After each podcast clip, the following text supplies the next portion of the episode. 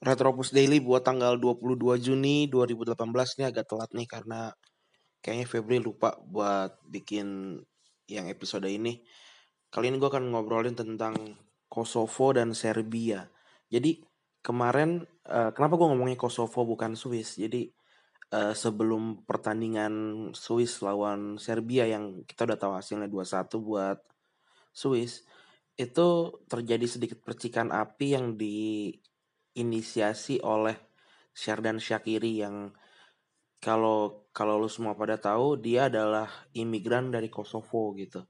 Dan uh, Kosovo itu uh, sempat ada clash lah sama pemerintahan Yugoslavia waktu itu.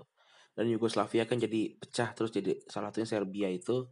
Dan Kosovo juga sekarang udah jadi negara yang diakuin FIFA juga. Tapi banyak orang-orang Kosovo yang uh, menjadi refugee di Swiss gitu.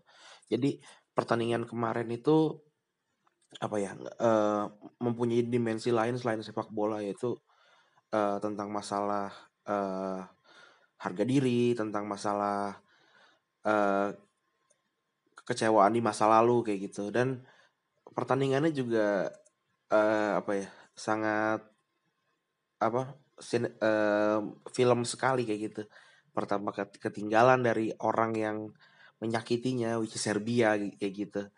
Uh, Serbia ngegolin satu terus akhirnya dibalas sama dua orang anak imigran Kosovo yaitu Sherdan Shakiri dan uh, Shaka.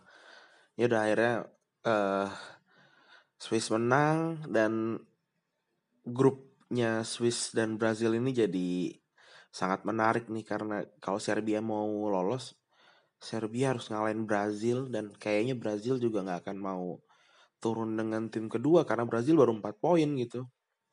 Masih belum sangat masih sangat belum aman gitu. Ya udah kayak gitu aja. Uh, ya maaf kalau agak terlambat. Uh, Rata Plus Daily untuk tanggal 22 Juni. Dan ntar tanggal 23 nih hari ini gue juga yang isi akan diupload ya seperti biasa mungkin sekitar jam 11 jam 12 malam. Thank you